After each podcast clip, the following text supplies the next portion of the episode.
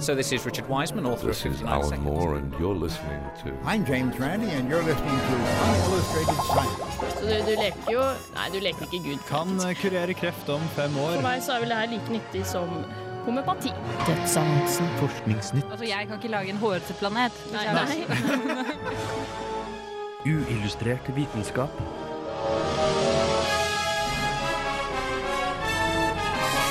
Science, it works, bitches. I denne episoden av Uillustrert vitenskap skal vi ta for oss folk som generelt sett er imot kreative ideer, ekstremt tynne mennesker og noe så praktisk som gjennomsiktige fostre.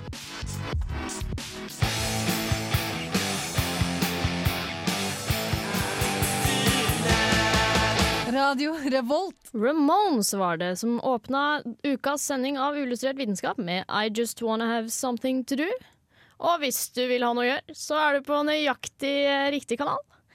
Eh, i, nå er det faktisk siste sending hvor du får høre kun meg og min kjære Ole Eivind Sigrud. Hallo. Hei.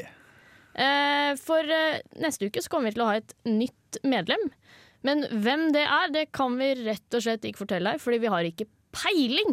Nei, Vi må jo si at vi er vel minst like eh, spente som dere.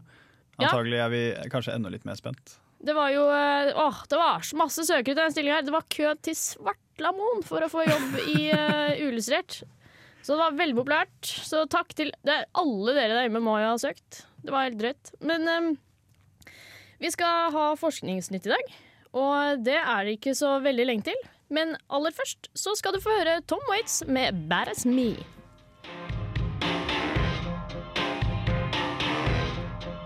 You're the head on the spear. You're the nail on the cross. You're the flying caravan as me. Uillustrert vitenskap presenterer Forskningsnytt.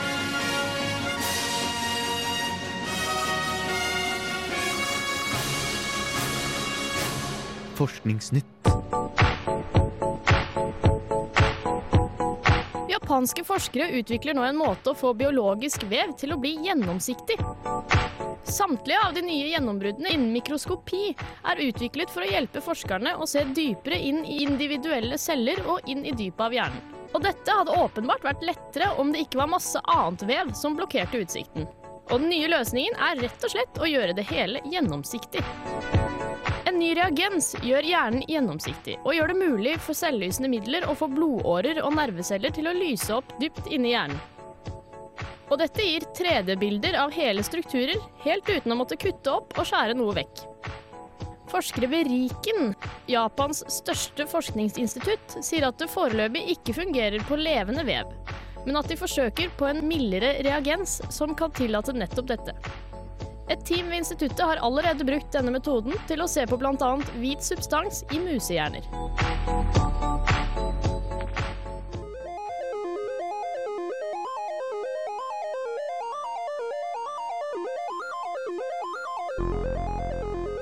Forskere ved School of Public Health i London har for første gang oppdaget en genetisk årsak til ekstrem tynnhet. Forskningen viser at folk med ekstra kopier av bestemte gener har mye større sannsynlighet for å være ekstra tynn. I én av 2000 mennesker er en del av kromosom 16 duplisert, hvilket gir menn 23 ganger og kvinner 5 ganger større sjanse for å være undervektig. Altså ha en BMI på under 18,5. Hvert menneske har normalt sett en kopi av hvert gen fra hver forelder. Så vi har altså to kopier av hvert gen. Men noen ganger blir deler av et kromosom duplisert eller sletta, noe som resulterer i en abnormal dosering av gener.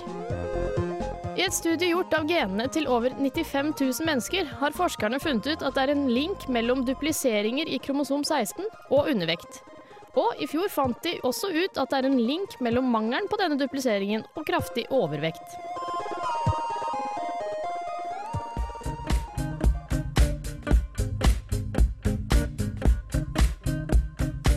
Astrofysiker ved Fermilab har nå endelig kommet på en måte å halvere boardingtiden på fly.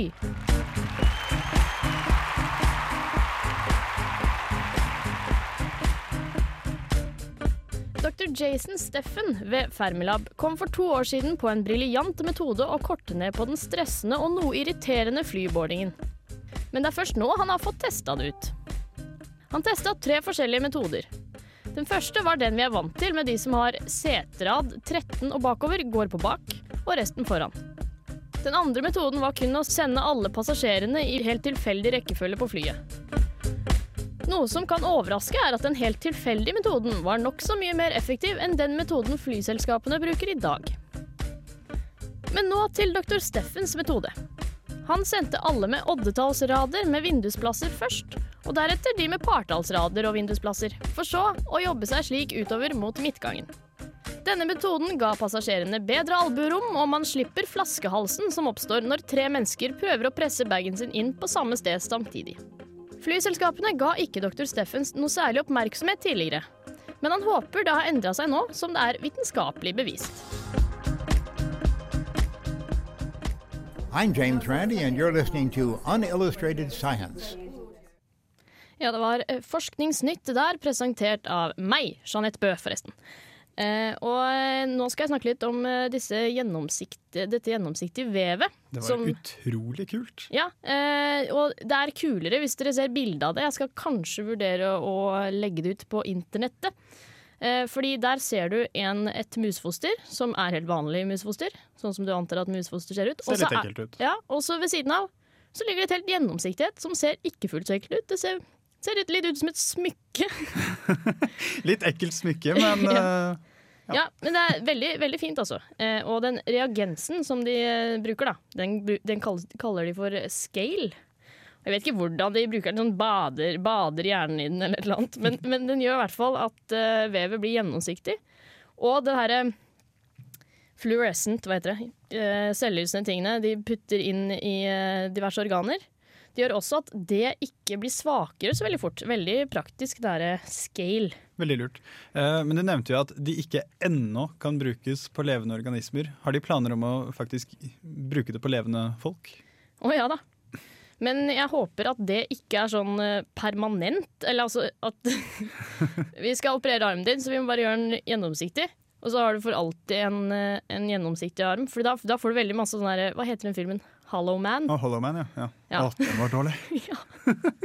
Men du vil, få, du vil få diverse versjoner av de da, vandre rundt ute på gata. Og jeg er ikke helt sikker på om vi er interessert interessert i det. Men jeg må jo si at uh, hvis de faktisk kan lage gjennomsiktige folk, og det ikke er permanent, så er det tidenes beste halloween-kostyme. Og Jahn Teigen kan bare gå og legge seg. Jeg er vandrende skjelett neste halloween. Det stemmer. Mer Forskningsnytt prat får du etter Tune Yards med Gangsta.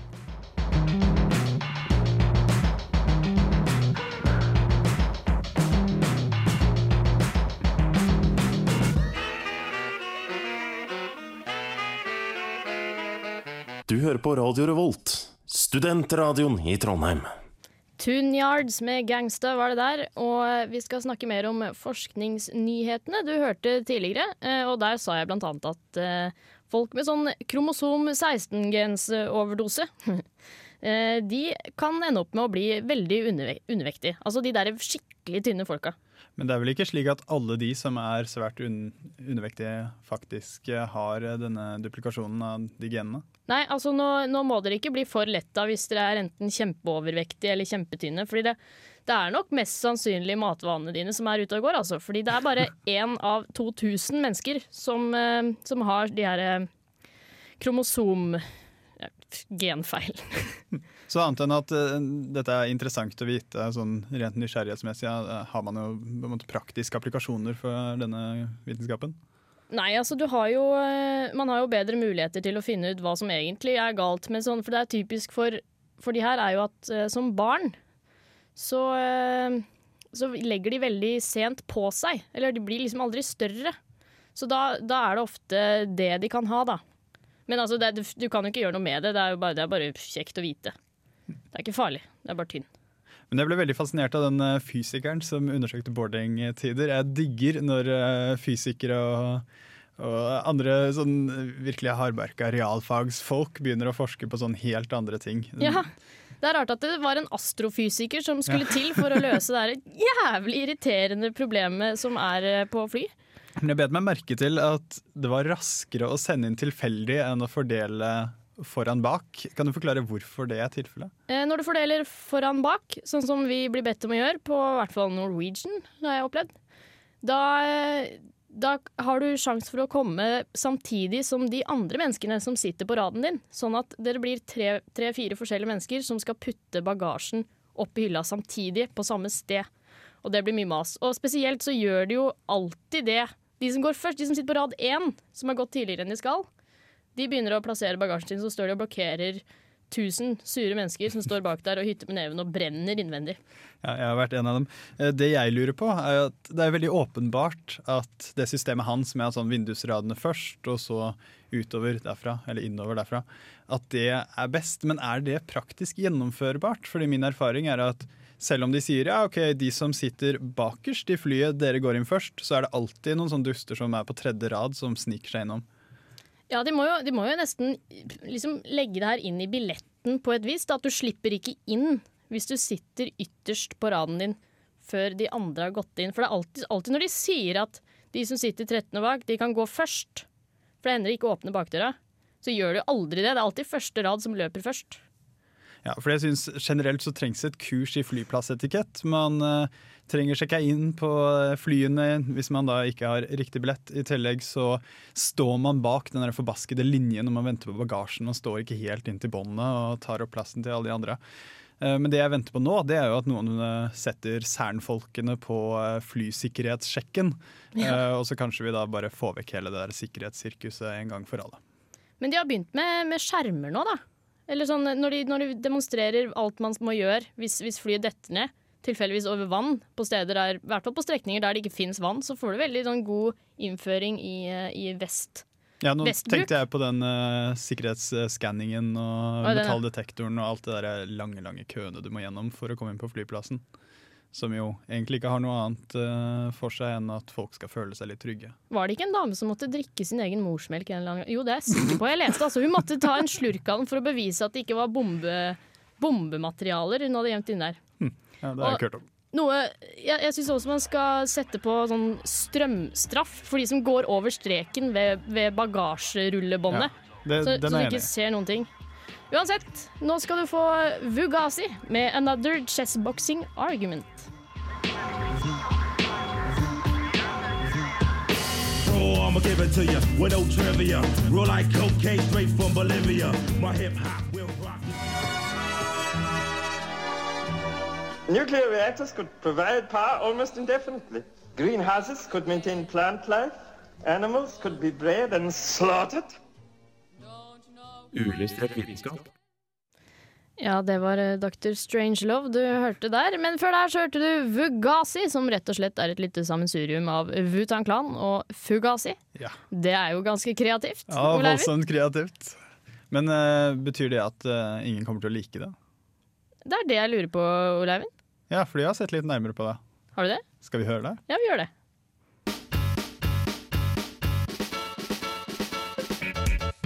Opplever du ofte at ideene dine blir forkastet av andre? Og da ikke bare dårlige ideer, men kreativ nytenkning som helt åpenbart er overlegent. I have a million ideas for things. That doesn't mean you're an I just can't. I, I just don't know how to implement it. What have you invented? What? A ski that comes in two pieces. You screw it on, okay? Like a pool cue. Wait a minute, a ski? A ski, yes. That you screw on? Yes. So you don't have to carry these big, giant skis around.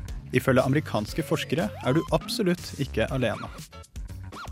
En ny studie viser nemlig at selv folk som er ute etter kreative ideer, forkaster dem for mindre kreative alternativer. Til og med når den kreative ideen er objektivt bedre. Forskerne hadde lagt merke til at dette ofte var tilfellet, og ville undersøke hvorfor det er slik. Det de fant, var en sterk antikreativitetsbias. En bias er en slags tankefeil eller predisposisjon som slår til i spesifikke situasjoner. Det kan være en ubevisst preferanse, partiskhet, favorisering eller forutinntatthet som kan føre til oppfattelsesfeil eller uriktige avgjørelser. For å avdekke en eventuell antikreativitetsbias benyttet forskerne seg av en test som er laget for å måle ubevisst bias, Eller bias som folk ikke liker å innrømme, som f.eks. rasisme. Selv om personene i forsøket sa at de søkte kreative ideer, viste det seg at de assosierte kreative ideer med ord som gift, pinlelse og oppkast. Men hvorfor er det slik? Kreative ideer innebærer noe nytt. Og nyheter har en tendens til å utløse usikkerhet som gjør de fleste ukomfortable. Det viste seg også at folk forkastet kreative ideer til fordel for ideer som kun var praktiske. Og mest oppsiktsvekkende var funnet at selv objektiv fakta som støttet opp om den kreative ideen, ikke motiverte folk til å akseptere den. Denne biasen var så subtil at personene ikke selv var bevisst på den. Noe som igjen gjorde det vanskeligere for personene å legge merke til at den kreative ideen i det hele tatt var kreativ.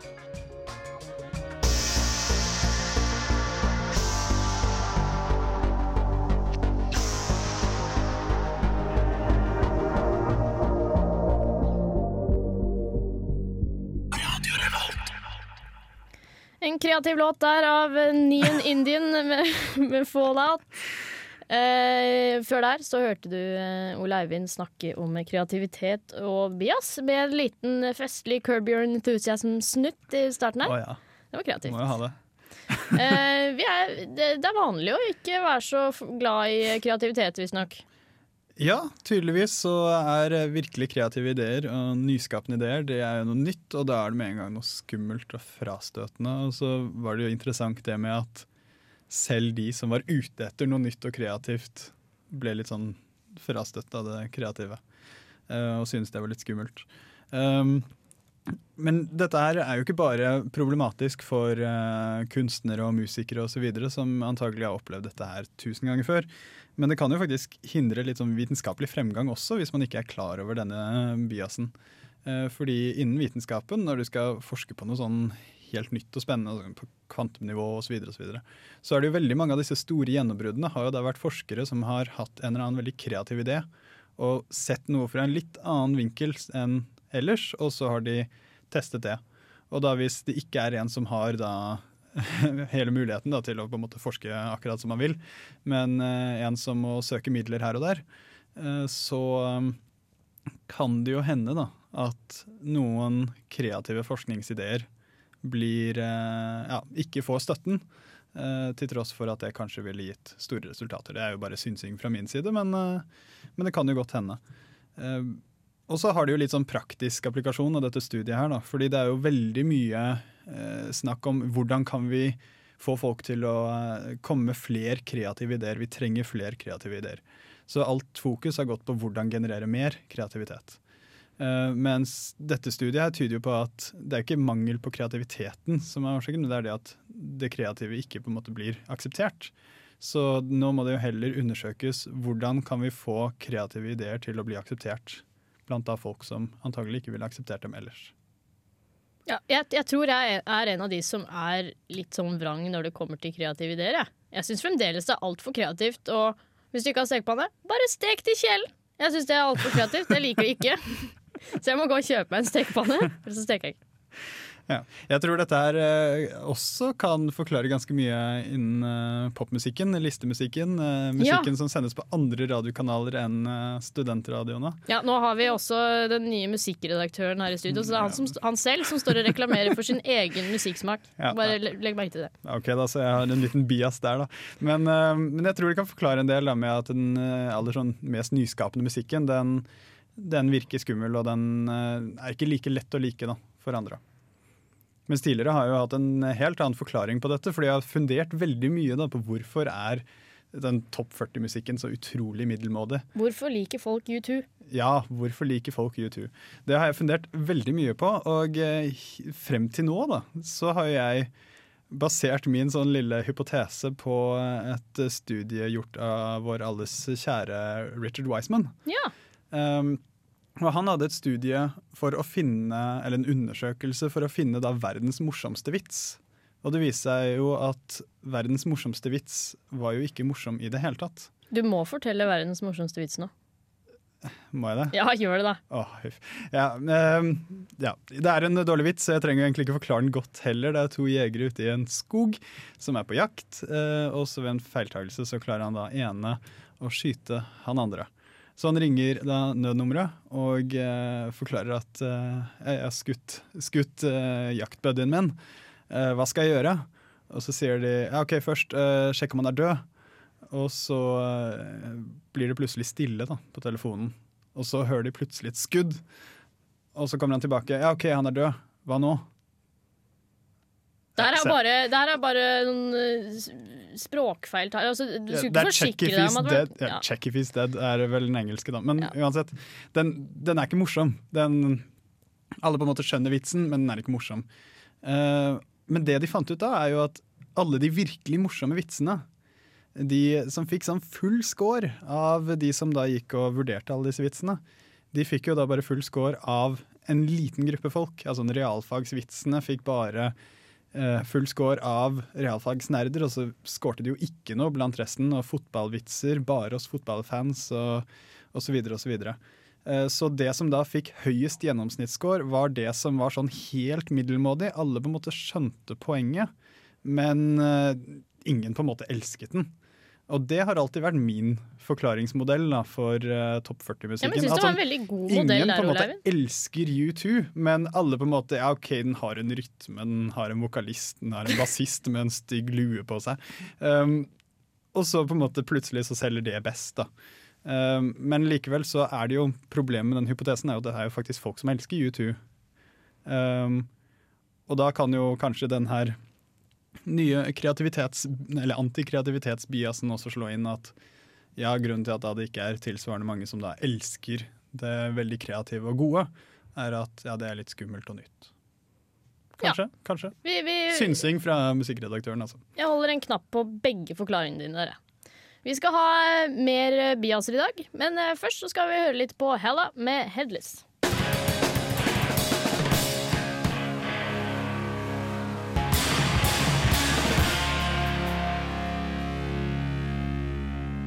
Uillustrert vitenskap. Radio Revolt. This is Charles L. Bennett from Johns Hopkins University. Science, it works, bitches. Ja, det var uh, veldig kreativ uh, musikk av uh, Hella. Det var såkalt math-rock, som du sier, Olaivin. Eller matterock. Det passer veldig bra i uillustrert, og du er nødt til å kunne telle, i hvert fall. Ja. Eh, Jeg vil si at det var en låt som lider litt av den der Return of the King-biasen. hvor du tror den er ferdig fire ganger og er klar til å snakke, men så er den ikke det.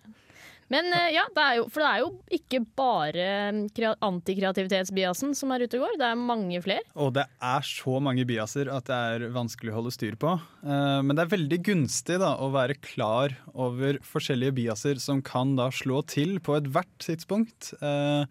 Fordi da hvis man er klar over dem, så er man kanskje litt flinkere til å enten unngå dem, eller i hvert fall være klar over det når man begår dem. Uh, og det er lurt. Ja. Så kan du kanskje hindre at du drar feil konklusjon. Jeg kan jo begynne med én som da er veldig utbredt. Den uh, heter eh, gamblerens feilslutning. Jaså? Eh, som da kan tyde på at det er en logisk feilslutning. Hvis du har det i, som argumentform, så er det det. Men hvis det bare er en sånn generell antakelse du har, så er det en bias. Eh, og den går ut på at du tror fremtidige hendelser er påvirket av tidligere utfall i til, i, i, eh, ja, når de da ikke er det. For eksempel når du da gambler. Du uh, kaster terninger, og så har du kastet fem seksere på rad. Og da tenker du å, men da er det lite sannsynlig at det kommer en sekser til. Fordi det har vært så mange seksere før. Ja, ja. Mens den, det neste terningkastet er jo helt irrelevant hva du har kastet før. Det er fortsatt en sjettedels ja. Da har du bare ikke hatt statistikk. Ja, ikke sant? Det er sånn, dette er en bias da, som eh, på en måte slås litt av statistikken da, hvis du tar det. Eh, men det er andre biaser som er litt vanskeligere å lære seg å bli kvitt. da. Ja, jeg har en her. Uh, bekreftelsesbiasen. Det er, det er liksom da du legger merke til ting som bekrefter det du allerede mistenker da, eller tror.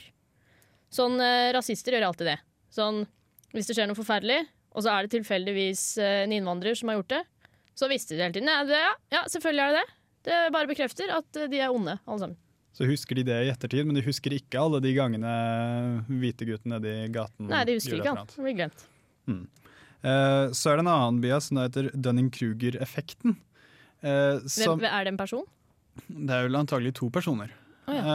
Ehm, og den, den er ganske fiffig, og den uh, har vi antagelig vært veldig mye borti her i Uillustrert vitenskap, selv om vi aldri egentlig har snakket om selve effekten. Men det går jo da ut på at personer som da ikke har så stor kunnskap, da, eller i hvert fall ikke så veldig stor innsikt i sine egne tankeprosesser, de innser ikke alt det de ikke vet.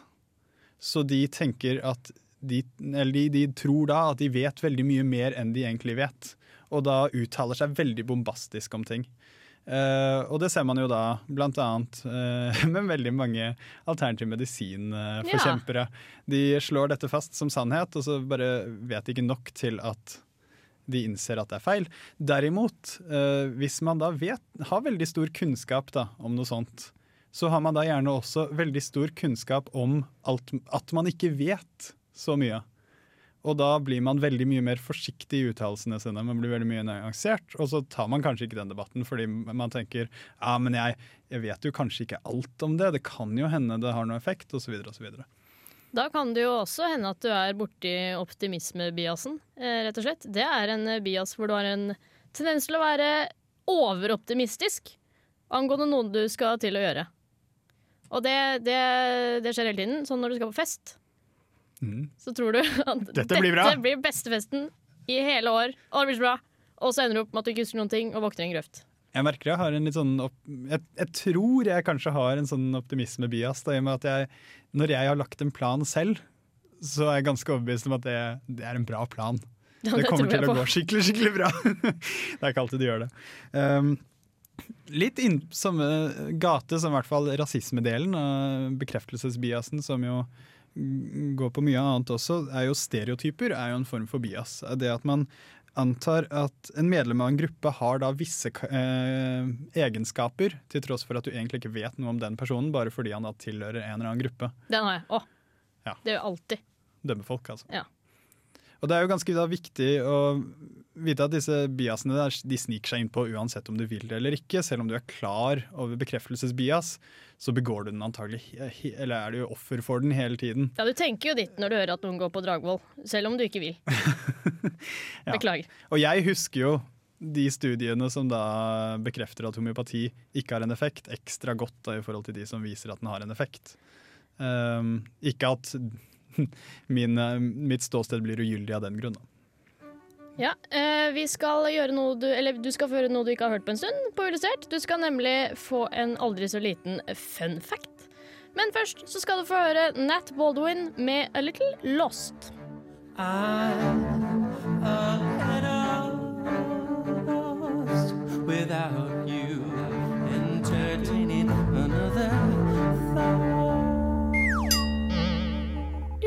Uillustrert vitenskaps fun fact-skole. Vær midtpunktet på neste vorspiel.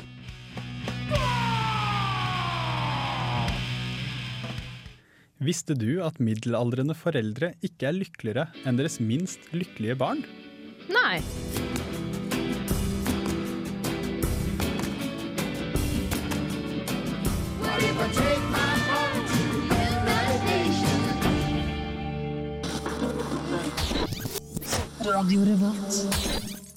Ja, der hørte du PJ Harvey med 'The Words That Maketh Murder'.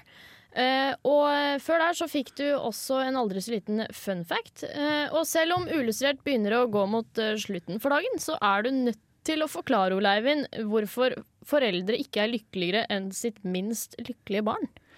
Ja, nei, det var forskere som da lurte litt på eh, hvordan deres eh, barn sånn vellykkethet, da, suksess videre i livet, påvirket deres eh, lykke.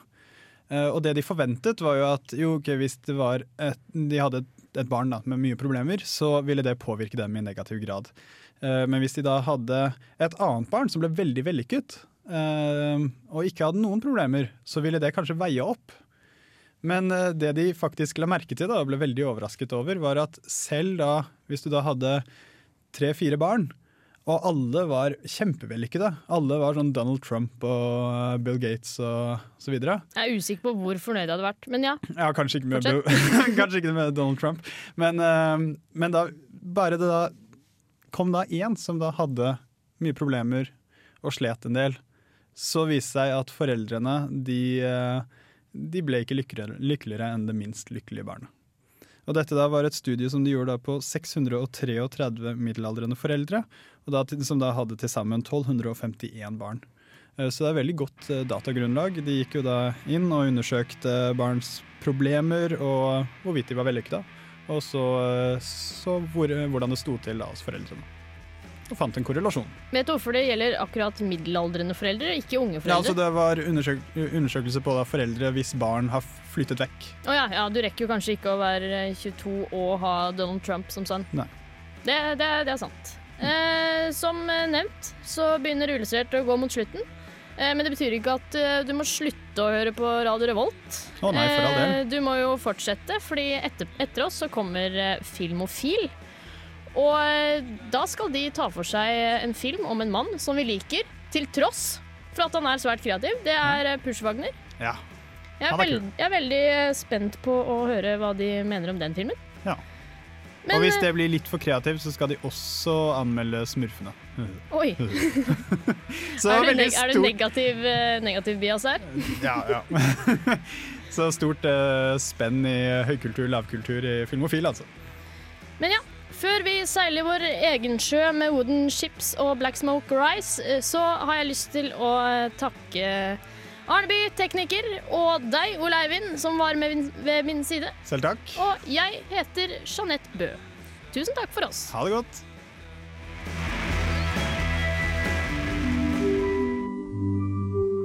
Uillustrert vitenskap er Midt-Norges eneste teknologimagasin på lokalradio. Og vi snakker om alt fra populærvitenskap til sære forskningsprosjekt ved NTNU. Radio Revolt, studentradioen i Trondheim, er stolt av å kunne presentere podkaster fra de aller mest populære programmene våre. Hvis du har lyst til å høre mer fra Radio Revolt, hvem vi er og hva slags musikk vi spiller, så kan du høre oss på FM-båndet i Trondheimsregionen, eller streame sendingene våre live på radiorevolt.no. Thank you.